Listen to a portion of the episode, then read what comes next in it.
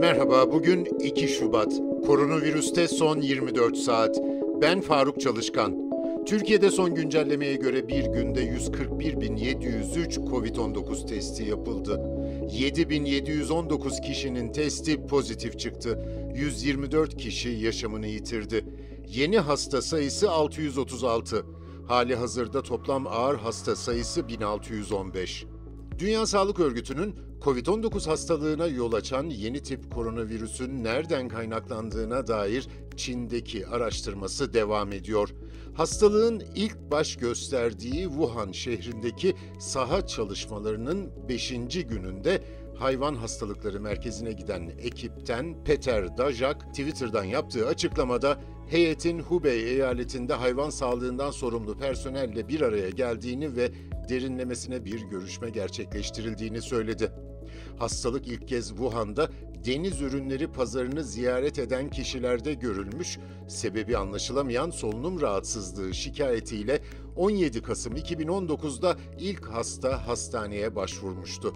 Almanya Başbakanı Angela Merkel hükümetin yaz sonuna kadar her vatandaşa yeni tip koronavirüs aşısı teklif edebileceğini söyledi. Merkel, Covid-19 aşılarının temin edilmesi ve aşılama sürecinde yaşanan sıkıntıları eyalet başbakanları ve aşı üreten firmalarla Avrupa Birliği Komisyonu'nun temsilcilerinin katıldığı toplantıda değerlendirdi.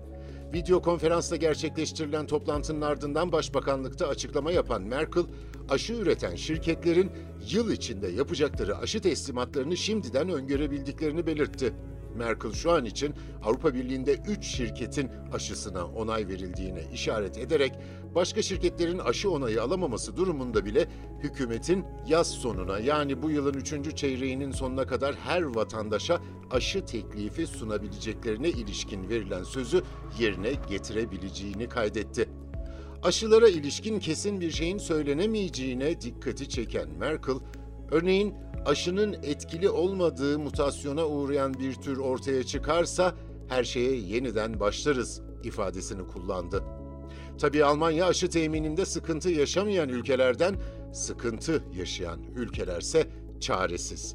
Bu konuda Anadolu Ajansı Haber Araştırma ekibinin video çalışmasını aa.com.tr sitesi veya Anadolu Ajansı'nın YouTube kanalında izleyebilirsiniz.